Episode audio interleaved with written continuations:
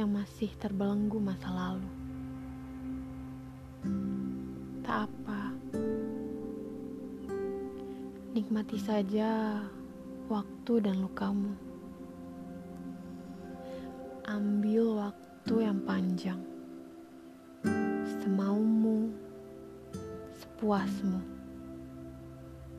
sampai kamu benar-benar siap dan yakin untuk melangkah lagi.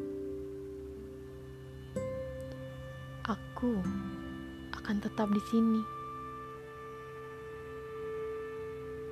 Kamu yang paling tahu nomor telepon mana yang akan menemanimu beristirahat dari masa lalumu di sepanjang malam.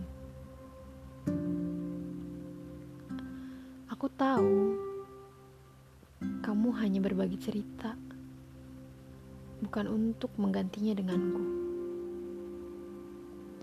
Terima kasih karena sudah mau jujur, setidaknya pada dirimu sendiri. Iya, sungguh tak apa. Dan tenang saja, aku tak akan menambah bebanmu dengan perasaanku.